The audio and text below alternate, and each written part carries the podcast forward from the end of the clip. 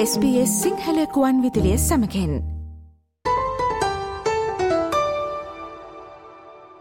වැඩබිමේ වැඩපලේ තමන්ගේ රැකිය ස්ථානයේදී ආරක්ෂිතව වැඩකටයුතු සිදු කිරීම කොයි තරම් නම් වැදගත්ත.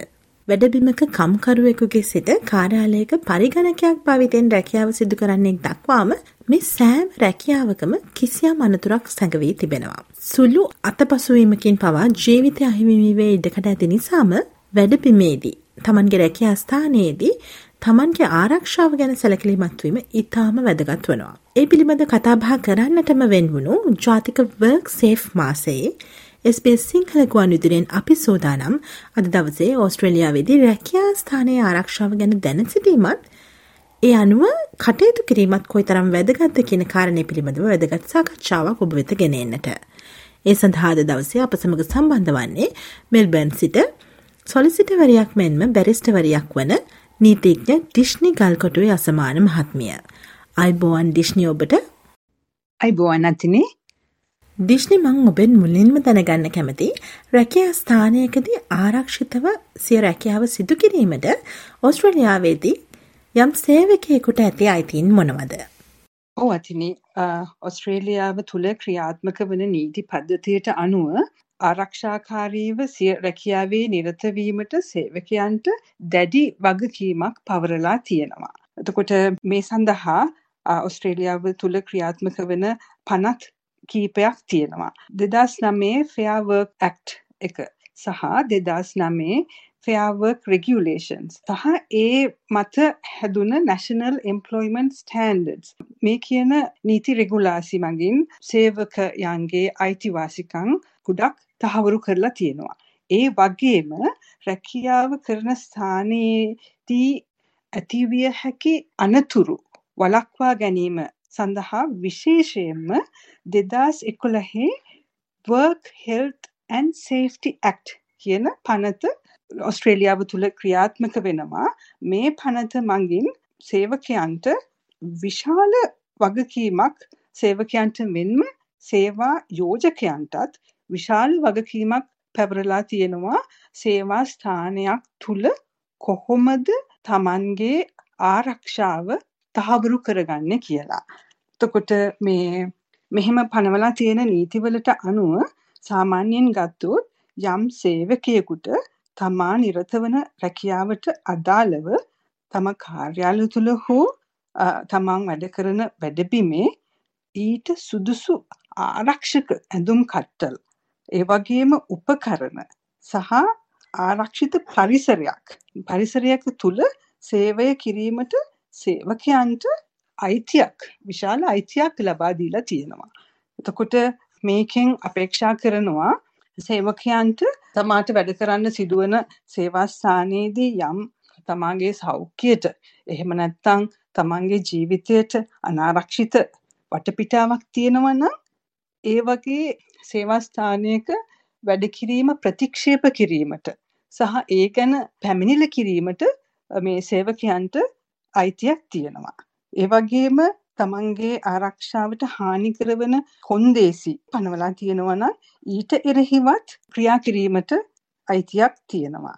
ඒ වගේම තමන්ට තමන්ගේ ජීවිතයට තර්ජනයක් වෙන කටයුතු වල නිරත වීමට රැකියාව කරන කාර්ය ඒ කාර්යයන් වලදී තමන්ගේ ජීවිතයට අනතුරක් සිදුවෙන වගේ ක්‍රියාවන් කිරීමට සිද්ධ වෙනවා නම් එවැනි ක්‍රියාවන් නොකර සිටීමටත් ඒ කියන්නේ වගේ ක්‍රියාවන් ප්‍රතික්ෂේප කිරීමට සේවකයන්ට අයිතියක් තිබෙනවා. මේ අයිතිය ආරක්ෂා වෙන්න නම් සේවකයන්ට වගකීමකුත් තියෙනවා.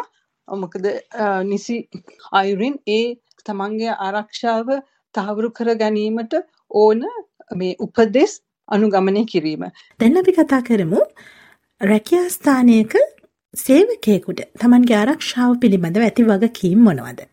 ඔවතිනි. දැන් කලින් සඳහන් කළ ආකාරයට සේවකයන්ට ලොකු වගකීමක් තියෙනවා. නිවැරදි ලෙස ආරක්ෂිත උපකරණ එකන ඒ ඒ රැකියාවට අදාළ නිවැරදි ඇඳුම් කට්ටල් භාවිතා කිරීම නිවැරදි උපකරණ භාවිතා කිරීම.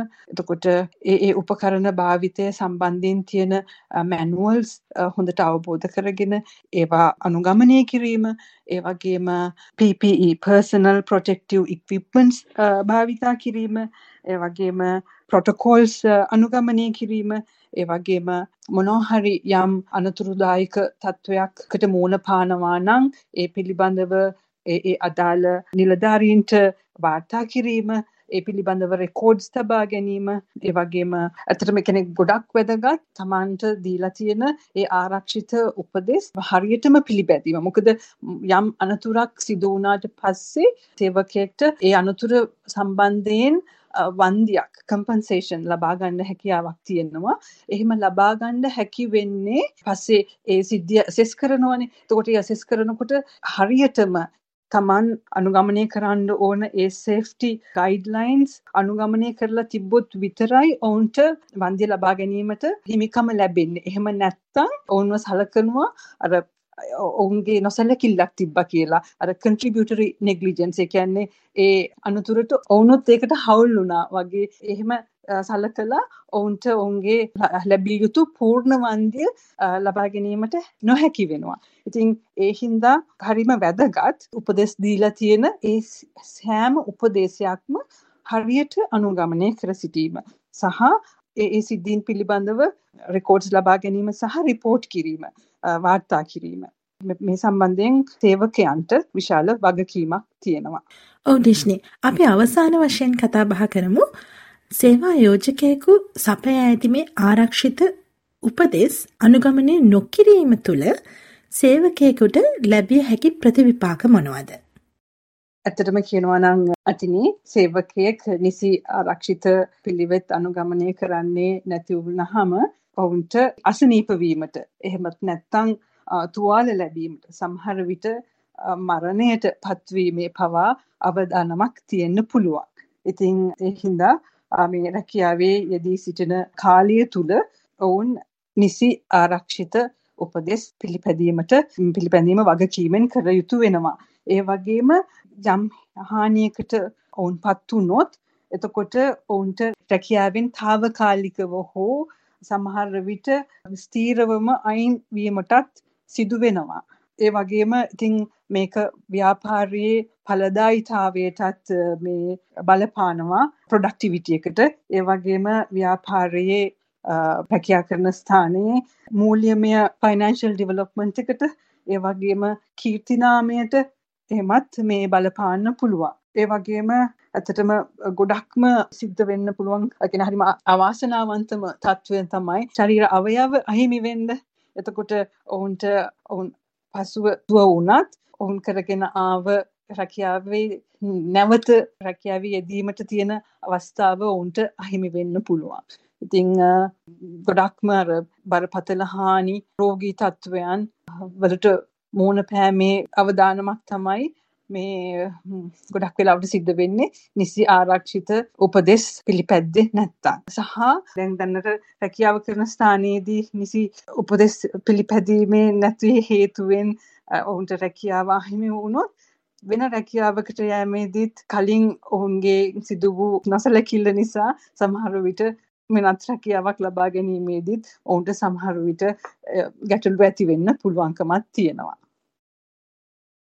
රැකියා ස්ථානයේ ආරක්ෂාව සම්බන්ධයෙන් වැඩි වශයෙන් අවධානය යොමු කරන ජාතික වර්ක් සේෆ් මාසය වෙනුවෙන් අද දවසේ SBS සිංහල ගුවන්විදුලියෙන් අපි ඔස්ට්‍රේලියාවේදී සේවකයෙකු රැකියා ස්ථානයේ ආරක්ෂාව සම්බන්ධයෙන් දැනුවත්වීම කොයිතරම් වැදගත්ද කියන කාරණය සම්බන්ධව ඔබට වැදගත් සාකච්ඡාවක් ගෙනෙනු ලැබුවා. ලබන සතියේ අපි සූදානමින් සිටින්නේ ඔස්ට්‍රේලියාවේ සේවා යෝජකයෙකු රැකියා ස්ථානයේ ආරක්ෂාව සම්බන්ධයෙන් දැනුවත්වීම වැදගත් වන්නේ ඇයි කියන කාරණය සම්බන්ධව ඔබව දැනුවත් කරන්නට.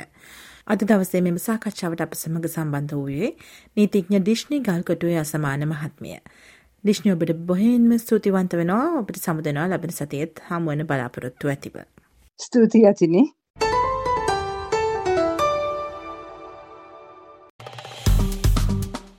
ලයි කරන්න ෂයා කරන්න අදහස් ප්‍රකාශ කරන්න SBS සිංහල ෆස්බුක් පිටුව ෆලෝ කරන්න.